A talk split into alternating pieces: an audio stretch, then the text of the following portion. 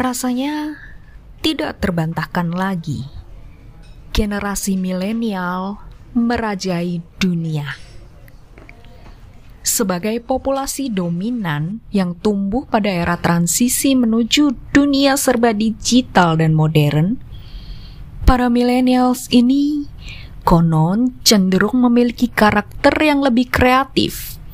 Tidak hanya itu, mereka cenderung lebih berjiwa petualang dan eksploratif dibandingkan dengan generasi pendahulunya. Hal itu salah satunya tercermin dari cara mereka memanfaatkan waktu antara bekerja dan berpelesir. Rupanya, para millennials lebih jago dalam mengombinasikan perjalanan bisnis dengan liburan atau yang ngetren disebut dengan pleasure.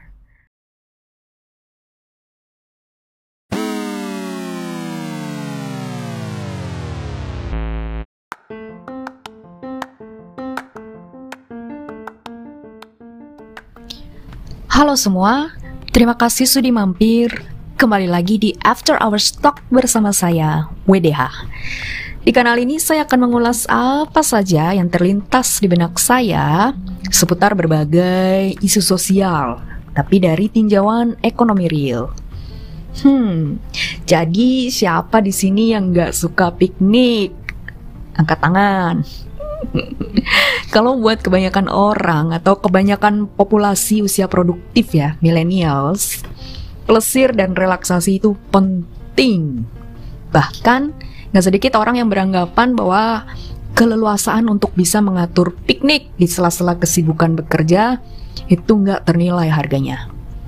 Gak jarang orang yang sampai memilih lebih baik bekerja dengan penghasilan standar, tapi masih punya ruang untuk refreshing daripada gaji tinggi tapi sepaneng hidupnya karena tersita waktunya full buat bekerja. Kalau saya sih enakan pendapatan tinggi tapi tetap bisa plesir. nah, jadi gimana kalau menurut Anda sendiri? Seberapa penting porsi pelesir dalam kehidupan profesional Anda? Nah, plus kalau lagi pandemi seperti ini, bagaimana cara Anda untuk bisa tetap refresh? Nah, coba kita obrolin bareng-bareng.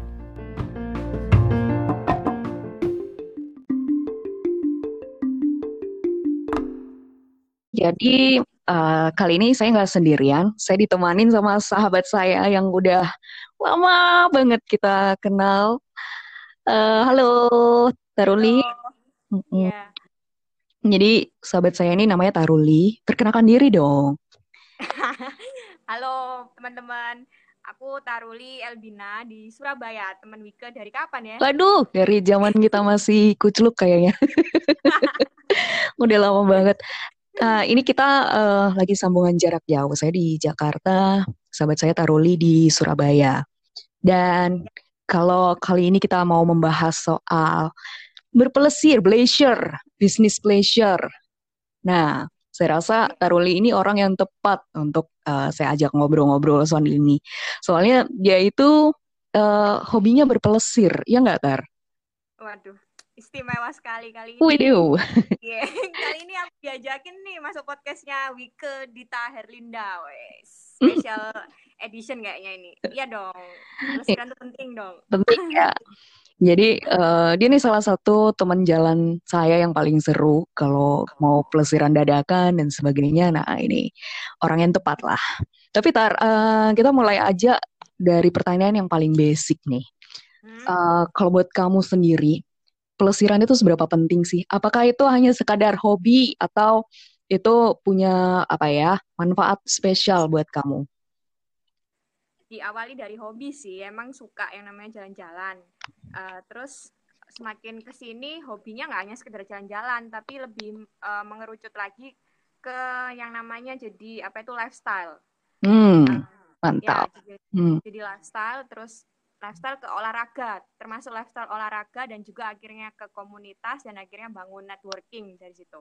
Hmm, jadi uh, udah jadi kebutuhan pokok enggak? Udah kayak nasi. sekunder sih, belum pokok tapi sekunder. Oke. Nah, terus tapi um, kalau buat kamu sendiri manfaatnya apa sih? Manfaatnya banyak. Satu, yang pasti nambah networking sih, nggak hanya sekedar apa ini urusan kantor mulu sih. Hmm. Terus uh, yang kedua nambah pengetahuan dan juga pengalaman. Terus akhirnya dan yang ketiga juga ini uh, kita itu kalau aku sih aku jadinya bisa apa manage manage diri aku uh, secara pengeluaran lo ya. Hmm, jadi aku. melatih lebih mandiri ya. Uh, uh, hmm. Melatih lebih mandiri secara apa ya di lapangan maupun keuangan juga sih. Hmm. Jadi mana yang harus buat pelesiran, mana yang harus buat kehidupan sehari-hari seperti itu. Hmm, hmm, hmm, hmm. Oke oke oke. Kamu sejak kapan sih suka melancong? ya kerja punya duit sendiri. Waduh. Tadinya nggak bisa ya, hanya hanya lihat orang posting di Instagram. Begitu. Instagram awalnya. Oh iya. Begitu. Google. Iya iya iya begitu punya duit sendiri langsung jor jor-joran. Apalagi zaman sekarang kan yang namanya zaman sosmed kan kayak yang apa itu buat kita itu kayak gimana ya? Buat edik juga sih. Adiktif ya, bikin candu.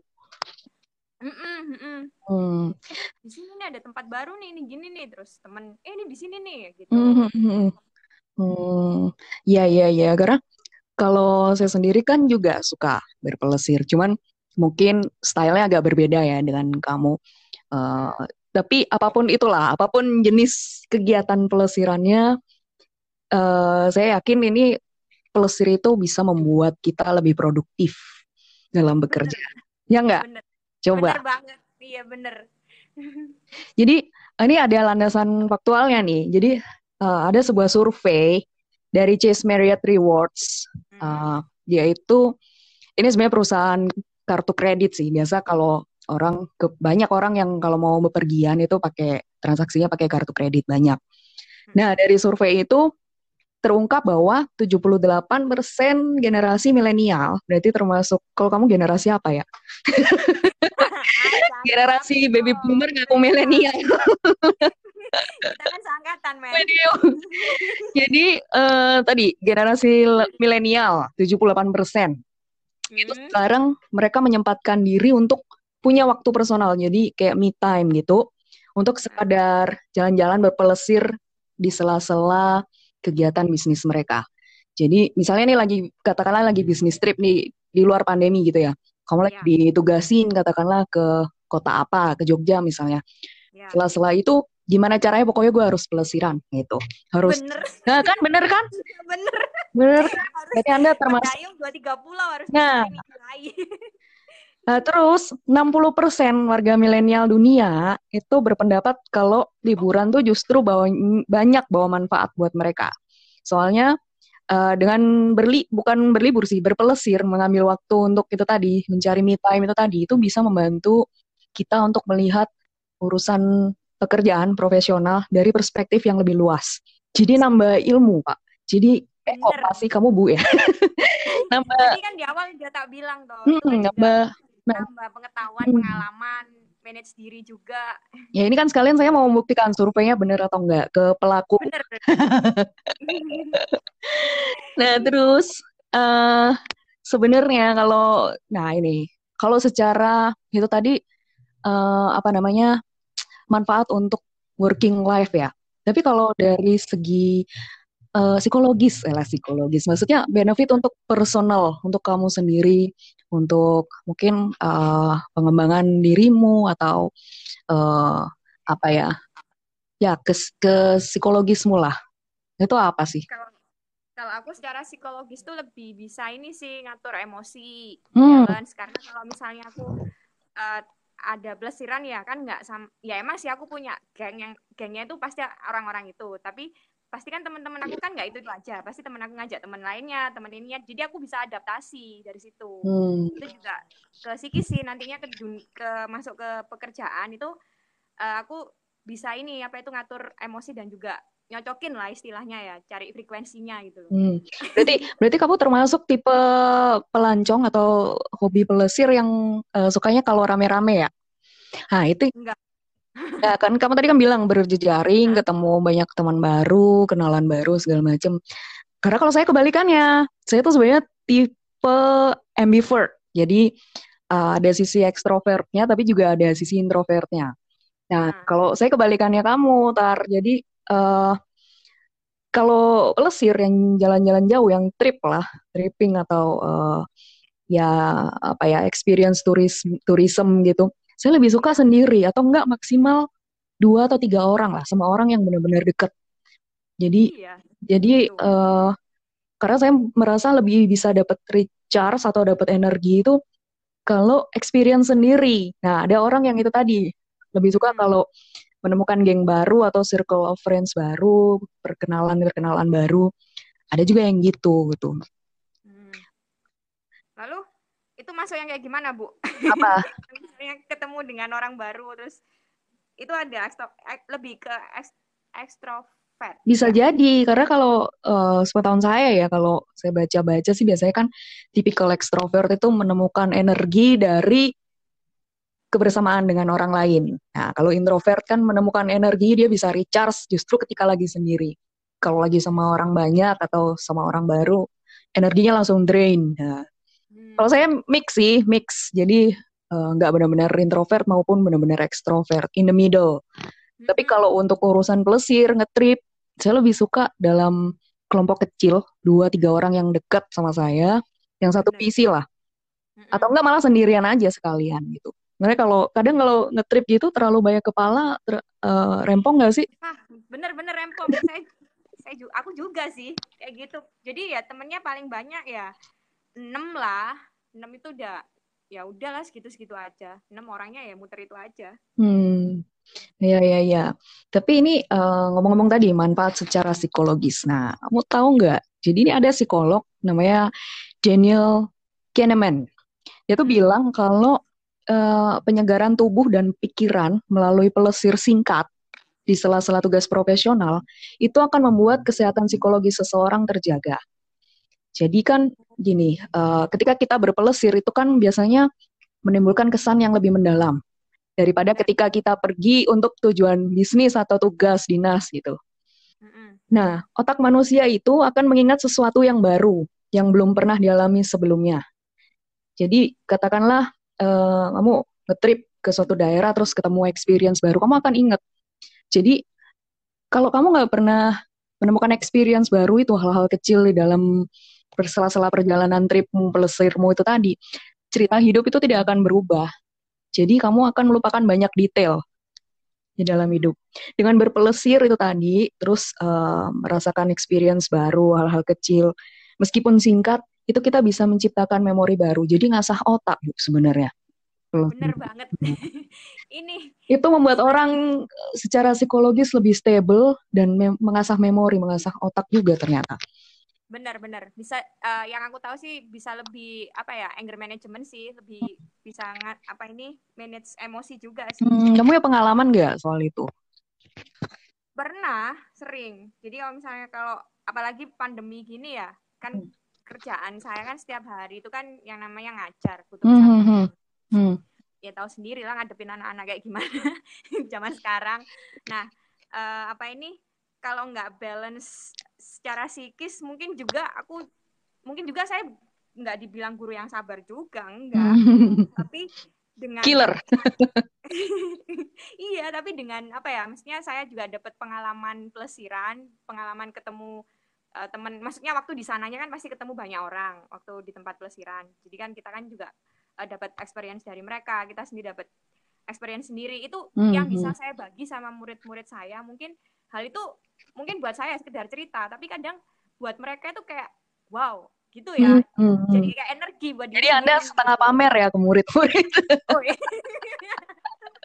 ada juga sih. Ya, niat bilangnya sharing padahal mau pamer. Tapi mereka jadi kayak terencourage besok ya miss kalau udah kelas sekian aja naik gunung ya. Oh oke okay, gitu. Oh siap. Tapi itu saya sepakat sih tadi seperti kata kamu tadi uh, anger management. Jadi Uh, sering sering juga sih saya ngalamin ketika udah uh, gedek banget tuh, katakanlah sama kerjaan atau ada uh, problem nih sama hmm. apa pun lah itu. Terus yang udah diubun-ubun tuh, yang udah hmm. butek gitu rasanya. Hmm. Kadang ngambil getaway sehari aja untuk uh, day off sekadar untuk refresh pelesir itu tadi tipis-tipis lah ala ala hmm, meredam banget bisa cooling down apa namanya memecah energi lah memecah energi negatif. Bener. Uh-uh. daripada yang setiap uh, ketemu Senin lagi terus mengeluh lagi ada teman saya yang kayak gitu. Oh ya? Oh dia iya. kurang ah itu istilah kurang piknik tuh bener ya nah, berarti. oke oke oke. ngomonginnya kerjaan aja dengan uh, sudut pandang yang dia punya secara kerjaan aja misalnya. hmm, hmm, hmm.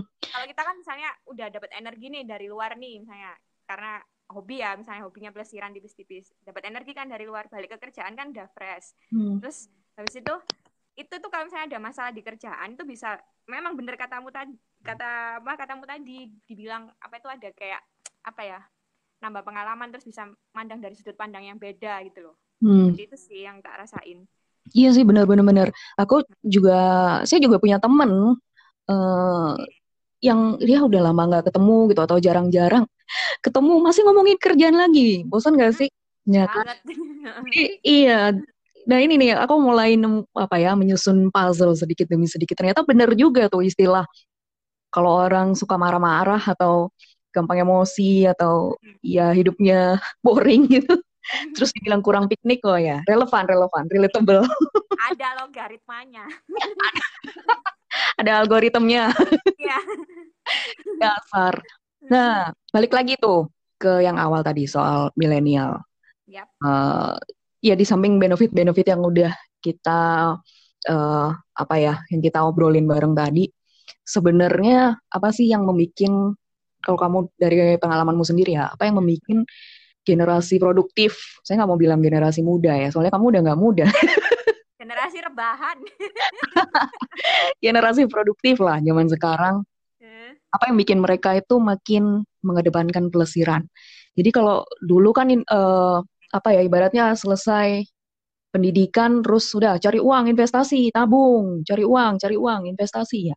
Kalau sekarang ya cari uang tuh penting tapi kayak kenapa kok pelesiran ini sudah jadi kayak yang aku bilang tadi kok jadi kayak kebutuhan primer primer nggak primer secondary nggak secondary apa ini?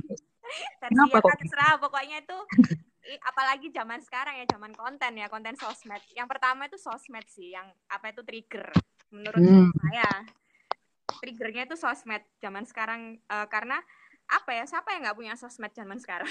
Ya kan? Apa apa mm -hmm. sosmed. Terus habis itu itu kayak menginduksi uh, kita secara pribadi apalagi udah punya teman yang sefrekuensi sih ya. Jadi itu kayak yang wih sini nih bagus nih. Ini nih kayak gini nih. Ayo ke sini ayo ke sini. Nah gitu. Hmm. nggak berhenti berhenti. Selain candu itu tadi ya soalnya. Ya, selain sosmed uh, sudah nemu temen yang sefrekuensi itu. Itu juga sih. Hmm. Tapi ini uh, ada kecenderungan juga nih di kalangan milenial. Jadi uh, karena itu tadi kebutuhan mereka sepertinya udah bergeser gitu loh. Kayak yang saya bilang tadi mungkin dulu harapannya orang tua misalnya atau orang zaman dulu. Orang zaman dulu. Ya kalau selesai pendidik ya kalau selesai pendidikan itu kerja kantoran, cari duit yang banyak, nabung, kawin, sebagainya dan sebagainya. Nah sekarang tuh kok ada risetnya ini. Iya. Salah satu salah satu penyebab milenial cenderung menunda pernikahan atau punya momongan. Nah, ya, gimana gimana itu seru nih. Itu salah satunya adalah karena mereka memilih untuk uh, punya waktu cukup untuk berpelesiran ketimbang terikat komitmen untuk segera pulang terus mengurus keluarga. Hmm, itu yang terjadi Wah. sekarang. ya, ya paham. Gitu. ya, ibu jangan merasa tersentil gitu. Beneran saya nggak bermaksud menyinggung siapa-siapa ini. iya, itu secara umum memang. Iya, iya. iya, iya, iya, iya. Hmm. Tapi ada bener ya sih kayak mungkin di banyak negara dan bahkan mungkin sekarang di Indonesia di banyak kota besar juga uh, marriage itu mungkin banyak yang itu bukan goals yang hakiki lah gitu. Yep. Yang penting kedamaian. Kedamaian batin. kedamaian batin. nah ini, tapi Bu, saya ya kan kamu kan hobi berpelesir nih. ya. Mendingan mana? Punya kerjaan gajinya tinggi tapi nggak bisa pelesiran, atau gajinya pas-pasan atau bahkan rendah tapi punya ruang buat ngatur piknik. Yang kedua dong. Hmm, gaji kenapa? Tapi bisa ngatur ruang untuk piknik. Kenapa? Ya itu kayak vitamin sih. Kena karena apa ya? eh, untuk pelesiran sendiri tuh menurut saya itu nggak perlu yang mewah harus ke pulau sini ke luar negeri nggak Hmm, hmm, hmm, gimana tuh? nggak perlu. Yang penting itu meskipun tipis-tipis, tapi sama temen yang sefrekuensi, di mana ketika pelesiran dapat energi baru kayak recharge energi, yang di situ juga dapat pengalaman. Terus habis gitu itu apa ya? Jadi kayak valuable gitu loh, buat diri sendiri dan juga buat sekitar, seperti itu. Hmm, Itu sih. jadi jadi tetap ya pelesir nomor satu ya kamu. Kalau saya enggak bu, saya pengennya gaji gede juga pelesiran. tapi dunia, tapi nggak ada pilihan sementara bu. Aduh, karena itu pilihan kalau saya itu pilihan sulit sih. Apalagi kalau eh, tipikal seperti saya, wow tanggungan banyak. Apa sih? Ya kan? Cicilan ini itu segala macam ya kan? Iya. Butuh duit, tapi juga pengen pelesiran itu susah.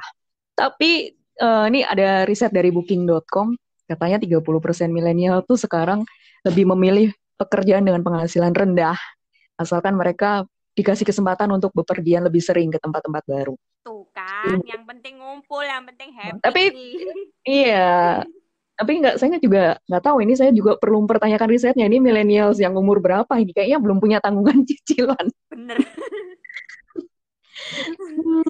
Tapi kalau kamu tetap ya yang yang penting eh, apa penghasilan pas-pasan nggak apa-apa, yang penting punya ruang buat piknik. Bener. Itu kayak vitamin sih. Suplemen lah, suplemen hidup. Hmm, hmm, hmm. Tapi kalau mengacu pada riset itu tadi, kan millennials tuh pengennya eh, yang yang tadi nggak apa-apa pendapatan pas-pasan asal punya kesempatan untuk pergi-pergi gitu. Mm-mm. Nah, masalahnya sekarang nyari kerjaan yang kayak gitu di mana ya, Bu? Wah, itu. Nah, Mungkin kalau ya sesuai hobi sih. Jadi ada beberapa temen saya itu yang awalnya memang hobi kan. Dari hobi suka jalan-jalan. Akhirnya bisa buka trip tipis-tipis sama teman-teman sendiri. Jadi kayak ceperan gitu. Masuk nggak sih di ekon- eh, nambah-nambah nilai ekonominya nggak sih? masuk-masuk. Berarti nambah penghasilan tambahan dari hobi kan? Iya, dari hobi gitu. Terus zaman sekarang lah gampang mau apa? Kan zamannya zaman touch sih ya intinya mau cari info apa aja dah ada. Itu sih. Hmm. Kalau saya kepikirannya malah ini, ini eh, barangkali ada employer perusahaan atau eh, pemberi kerja nih yang dengerin podcast saya. Ini tolong didengar dan dicatat. Hmm. Jadi, jadi kan millennials sekarang seperti yang tadi udah kita bahas nih sejak awal. Mm-mm. Pelesir itu jadi eh, kebutuhan yang belum primer tapi kebutuhan yang penting lah. Bahkan sampai ya itu tadi, gak apa-apa deh gaji pas-pasan tapi kita masih bisa piknik gitu. Iya. Dan satu lagi, millennials itu terkenal tidak loyal. Bener.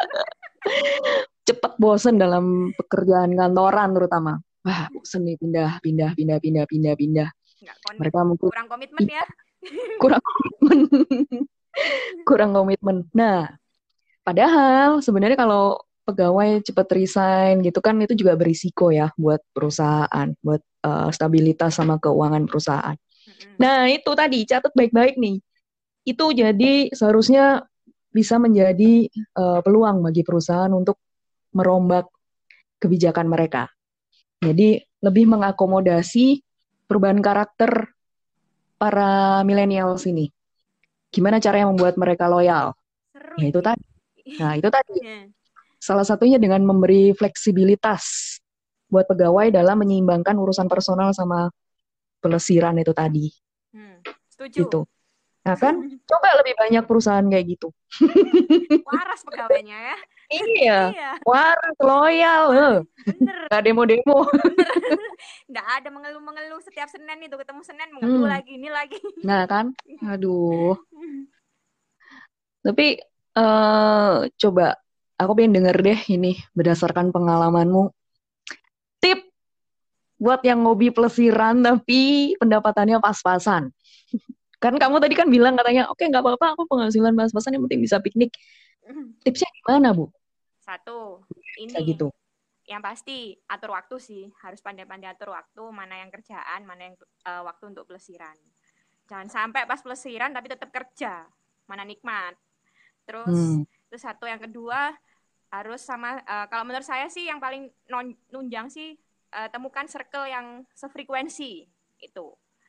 Hmm. Hmm, supaya apa ya kalau misalnya jadi eh, eh, jadi ada yang saling bantuin lah istilahnya ada trigger juga sih itu Nah itu tadi, kalau pendapatannya pas-pasan gimana? Pendapatan pas-pasan Mengatur keuangan eh, untuk pelesirannya nggak usah jauh-jauh yang deket-deket Nah itu tips pelesiran yang sesuai dengan budget lah. iya Intinya gitu. sesuai Gimana? Ya itu Bu, saya mau tanya itu. itu yang mau saya tanyakan. Apa tipnya Bu buat Nah, eh, nabung. apa ya, pelesiran yang sesuai dengan budget? Eh, ini cari destinasi yang apa ini yang nggak mahal tapi bisa fun ah setiap setiap trip itu pasti ada kisah lah nggak usah jauh-jauh destinasinya yang penting sesuai dengan apa ya sesuai dengan minat dan bakat pelesiran kita. Ur- urusan misalnya nih susah di transportasi Nah, berarti kalau sebentar Bu, berarti kalau bakatnya nyanyi pelesirannya ke karaoke cukup gitu ya. bisa kamar mandi bisa bu Oke. terus terus terus. Terus untuk transportasi mungkin bisa sharing cost ya. Ajak beberapa teman untuk bisa sharing cost. Itu bantu banget. Untuk apa ini manajemen ini manajemen keuangannya sih nantinya. Terus cari Mm-mm. tempat yang eh, yang wisatanya itu istilahnya lebih ke alam lah kalau bisa. Kenapa lebih ke alam? Karena kalau wahana biasanya kita harus bayar wahananya mahal kalau ke alam kan cuma bayar perizinan berapa tapi kita bisa lama-lamaan puas di sana terus bisa recharge energi di situ kalau saya sih gitu Hmm. Oke oke oke oke. Terus lebih ke ini apa jalan-jalannya lebih ke kearifan lokal aja. Jadi kayak misalnya nih budget minim kearifan lokal, pasar sekitar bisa kearifan lokal. Wisata di daerah sendiri ya. Ya. Berarti kamu lebih mencari experience. Gitu. Hmm. Oke oke oke. Ini terakhir nih. Pertanyaan terakhir dari saya. Masih kangen loh. Apanya? Nanti disambung nanti, Bu. Tapi untuk podcast ini pertanyaan terakhir nih. Iya. Oke, ini deh tadi kita udah eh, ke sana ke sini segala macam ngomongin pelesir nih pandemi, Bu.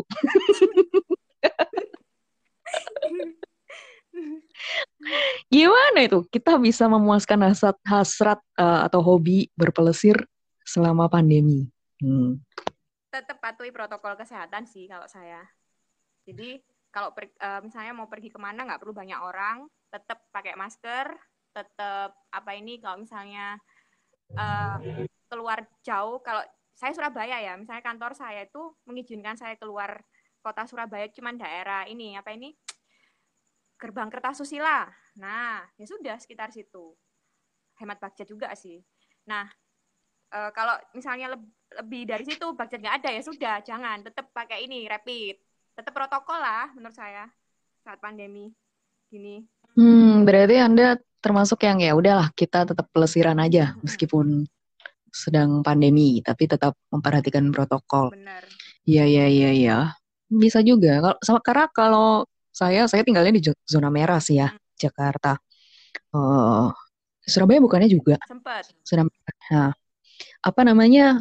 eh, kalau saya terus terang agak was-was, meskipun saya suka pelesiran tapi agak was-was kalau mau bepergian karena kan nggak tahu tuh. Mm.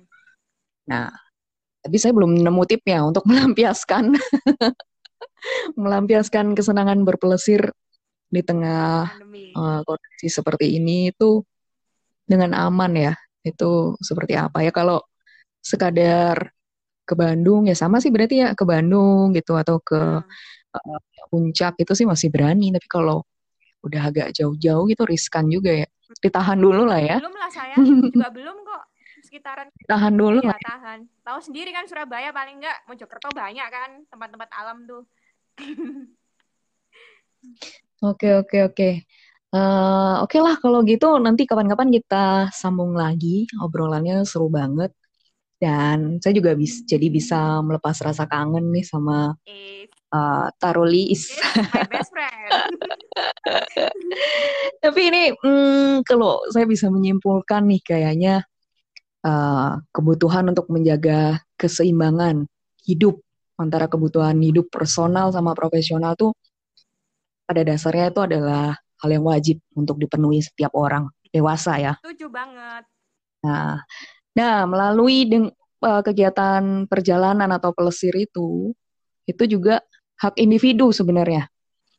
Jadi bukan bukan kebutuhan tapi itu hak kalau menurut saya. Berpelesir itu hak individu. Jangan sampai jargon kerja terus kurang piknik itu menjadi kenyataan untuk Anda. Karena itu hak Anda sebenarnya untuk refresh dan berpelesir itu. Jadi jangan dirampas terus Anda jadi manusia yang kurang piknik. Itu aja sih. Ya udah taruh li sampai ketemu lagi ya. Nanti kapan-kapan kita sambung lagi ya, ya obrolannya. Terima kasih Babe Wike. Long time. Ya. ya.